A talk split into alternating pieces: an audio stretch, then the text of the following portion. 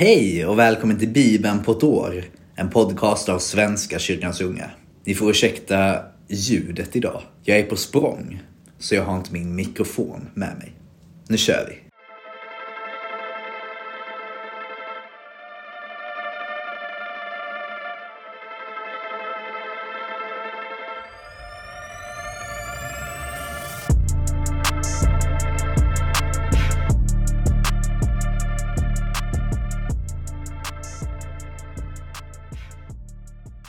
Vi ber.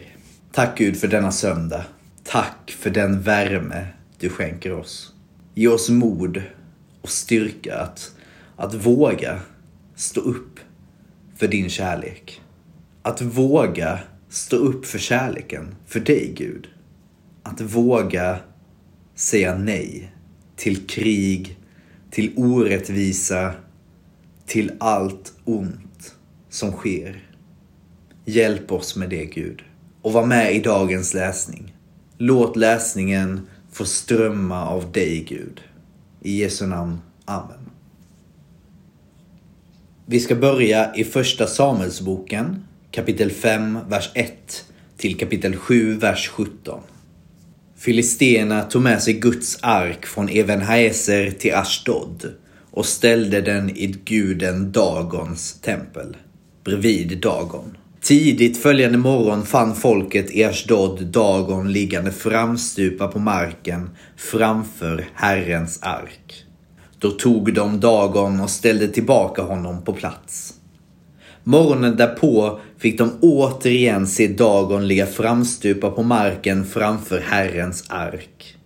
Huvudet och händerna hade slagits av mot tröskeln. Endast bålen var kvar av honom.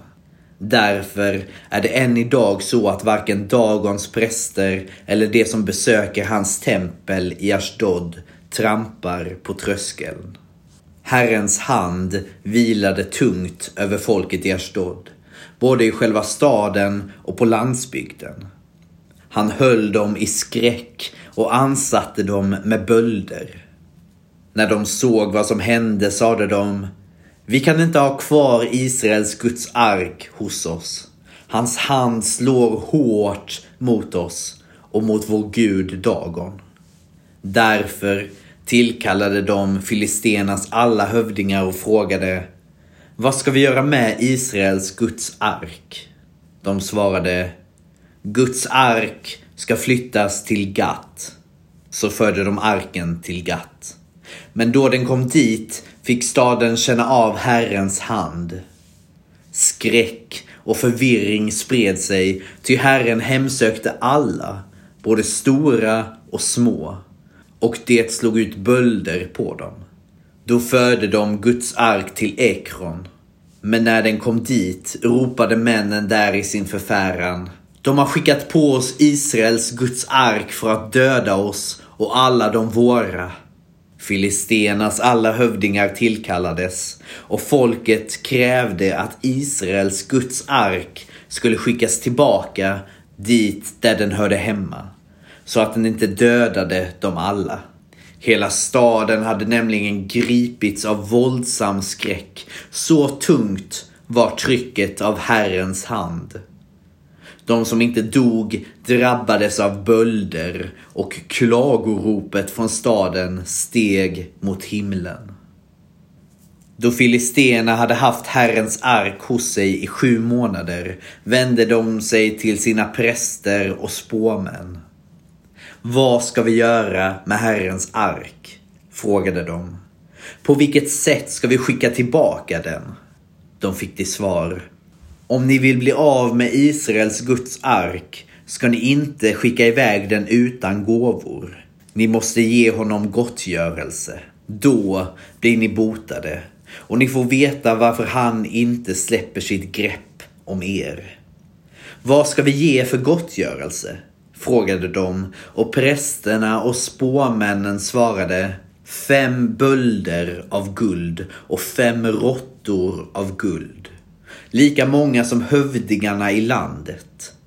Samma hemsökelse har ju drabbat alla, också era hövdingar. Ni ska göra avbildningar av era bölder och av råttorna som härjat ert land och därmed ära Israels Gud. Då kanske han släpper sitt grepp om er och era gudar och ert land. Varför förhärdar ni er så som Egypterna och farao gjorde? Sedan de hade fått känna av Herrens makt måste de släppa israeliterna fria och låta dem gå. Nu ska ni ta en ny vagn och två kor som nyligen har kalvat och aldrig har gått under ett ok. Spänn dem för vagnen. Kalvarna ska ni ta ifrån dem och föra hem. Ställ sedan Herrens ark på vagnen. Guldfigurerna som ni lämnar honom som gottgörelse ska ni lägga i ett skrin bredvid arken. Skicka så iväg den. Men se noga efter. Om arken tar vägen upp mot Betshemesh, då är det Herren som har tillfogat oss allt detta elände. I annat fall vet vi att det inte är hans hand som har slagit oss. Allt har då hänt av en slump. Filisterna gjorde så. De tog två kor som nyligen hade kalvat och spände för vagnen, men höll kvar deras kalvar hemma. Sedan ställde de Herrens ark på vagnen och likaså skrinet med guldråttorna och avbildningarna av bölderna. Korna gick raka vägen mot Betshemesh utan att vika av åt vare sig höger eller vänster och hela vägen råmade de. Filistenas hövdingar följde efter dem ända till Betshemers område. Folket i staden höll just på att skörda vete nere i dalen. De tittade upp och fick se arken och den synen gjorde dem glada. Vagnen stannade vid en stor sten på den åker som tillhörde Josua, en av invånarna i Betshemesh. De högg upp träet från vagnen och offrade korna som brännoffer åt Herren. Leviterna hade lyft ner Herrens ark och skrinet med guldfigurerna och ställt allt sammans på den stora stenen. Invånarna i Betshemesh frambar denna dag brännoffer och slaktoffer till Herren. De fem filisteiska hövdingarna bevittnade allt detta och återvände till Ekron samma dag. Av de guldbölder som filisterna lämnade som gottgörelse åt Herren var en för Ashdod, en för Gaza, en för Ashkelon, en för Gat och en för Ekron. Råttorna av guld var lika många som de filisteiska städer där de fem hövdingarna härskade. Både befästa städer och byar på landet. Den stora stenen som de ställde Herrens ark på står ännu i denna dag på Josuas åker i Betshemesh. Men Jekonjas släkt hade inte deltagit i den allmänna glädjen i Betshemesh vid åsynen av Herrens ark. Därför dräpte Herren 70 av dem och folket höll dödsklagan på grund av den mansbillan som han hade vållat. Vem kan bestå inför Herren, denna helige Gud? frågade man i Betshemesh. Och vem ska ta emot arken så att den kommer härifrån? De sände då bud till Kirjat Jearim. Filisterna har lämnat tillbaka Herrens ark. Kom nu och hämta upp den till er. Då kom de från Kirjat Jearim och förde Herrens ark till Avinadavs hus uppe på höjden och de invigde hans son Elazar till att ha vård om Herrens ark. Det hade nu gått en lång tid, 20 år, sedan arken fått sin plats i Kirjat Jearim. Då sökte sig hela Israels folk till Herren och Samuel sade till dem om ni på allvar vill vända om till Herren måste ni göra er av med de främmande gudarna och astartegudinnorna. Håll er av hela ert hjärta till Herren och dyrka honom. ingen annan. Då ska han rädda er ur filistenas våld. Israeliterna gjorde sig då av med Baalsgudarna och Astartegudinnorna och tillbad endast Herren. Samuel uppmanade nu israeliterna att komma samman i Mispa för att han skulle be till Herren för dem. När de hade samlats där öste de upp vatten och göt ut det inför Herren. De fastade den dagen och bekände sin synd för Herren. Och i Mispa skipade Samuel rätt mellan israeliterna. När filisterna fick reda på att israeliterna hade samlats i Mispa drog deras hövdingar ut till strid mot dem. Vid budet om detta blev israeliterna rädda och sade till Samuel Svik oss inte. Fortsätt att ropa till Herren, vår Gud, så att han räddar oss undan filisterna. Då tog Samuel ett dilam och offrade det som brännoffer, ett heloffer åt Herren, och ropade till honom för Israel, och Herren svarade honom. Medan Samuel offrade hade filisterna ryckt fram för att anfalla. Just då lät Herren åska dåna över filisterna och spred förvirring bland dem. De blev slagna av israeliterna som drog ut från Mispa och förföljde filisterna ända till trakten av Betkar och tillintet gjorde dem. Och Samuel lät resa en sten mellan Mispa och Shem och kallade den Even Haeser.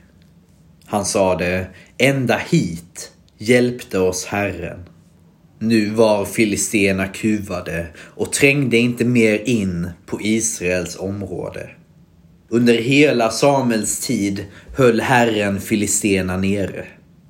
Israel fick tillbaka de städer som filisterna hade erövrat, från Ekron till Gat, och de områden som hörde till dessa städer befriades. Det rådde också fred mellan israeliter och amoreer. Så länge Samuel levde var han domare över Israel. Varje år for han runt till Betel, Gilgal och Mispa och skipade rätt på var och en av dessa platser. Sedan vände han tillbaka till Rama. Där bodde han och därifrån styrde han Israel. Där byggde han också ett altare åt Herren. Vi fortsätter i Johannes evangeliet kapitel 6, vers 1 till 21. Sedan for Jesus över till andra sidan av Galileiska sjön, eller Tiberias sjön. Mycket folk följde efter, därför att de såg de tecken han gjorde genom att bota de sjuka. Och Jesus gick upp på berget och satte sig där med sina lärjungar. Det var strax före judarnas påskhögtid. När Jesus lyfte blicken och såg att så mycket folk var på väg till honom sade han till Filippos. Var ska vi köpa bröd så att alla dessa får något att äta? Det sade han för att pröva Filippos. Själv visste han vad han skulle göra. Filippos svarade det räcker inte med bröd för 200 denarer om de ska få en bit var. En av lärjungarna, Simon Petrus bror Andreas, sade Här är en pojke som har fem kornbröd och två fiskar. Men vad förslår det till så många? Jesus sade Låt folket slå sig ner. Det var gott om gräs på platsen. Och de slog sig ner. Det var omkring 5000 män. Jesus tog brödet, tackade Gud och delade ut åt dem som låg där. Och likaså av fiskarna, så mycket de ville ha.